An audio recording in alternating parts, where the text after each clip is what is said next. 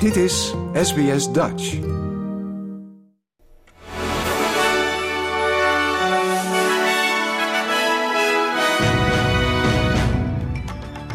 Dit is de SBS Weekly Nieuwsflits van woensdag 2 augustus. Mijn naam is Paulien Roesink.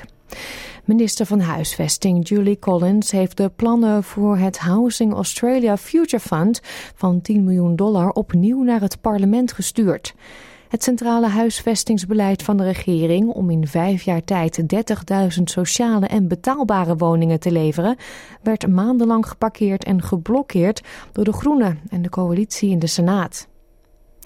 De voormalige Amerikaanse president Donald Trump wordt voor de derde keer in vier maanden tijd strafrechtelijk vervolgd vanwege verkiezingsfraude.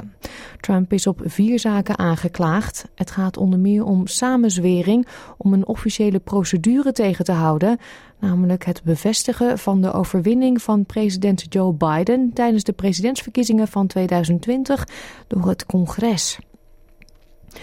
Uit een nieuw rapport blijkt dat migranten op de arbeidsmarkt beter beschermd zouden zijn tegen onderbetaling, uitbuiting en onveilige omstandigheden met de wetgeving die wordt voorgesteld door vakbonden, advocaten en mensenrechtenorganisaties.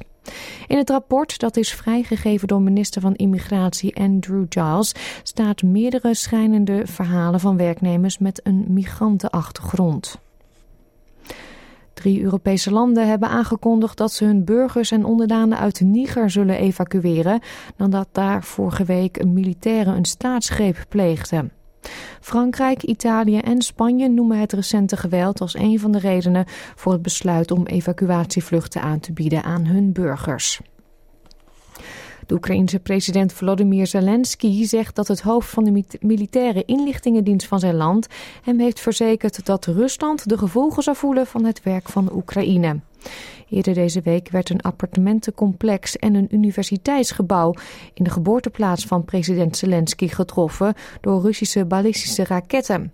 Zes mensen kwamen hierbij om het leven en 75 anderen raakten gewond.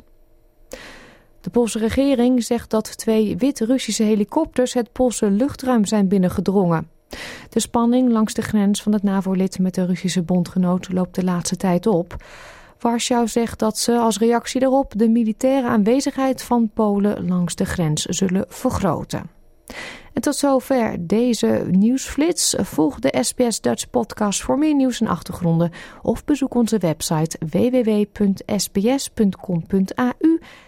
Dutch.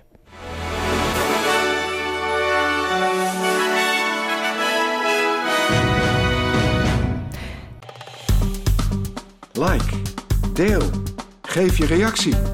Volg SBS Dutch op Facebook.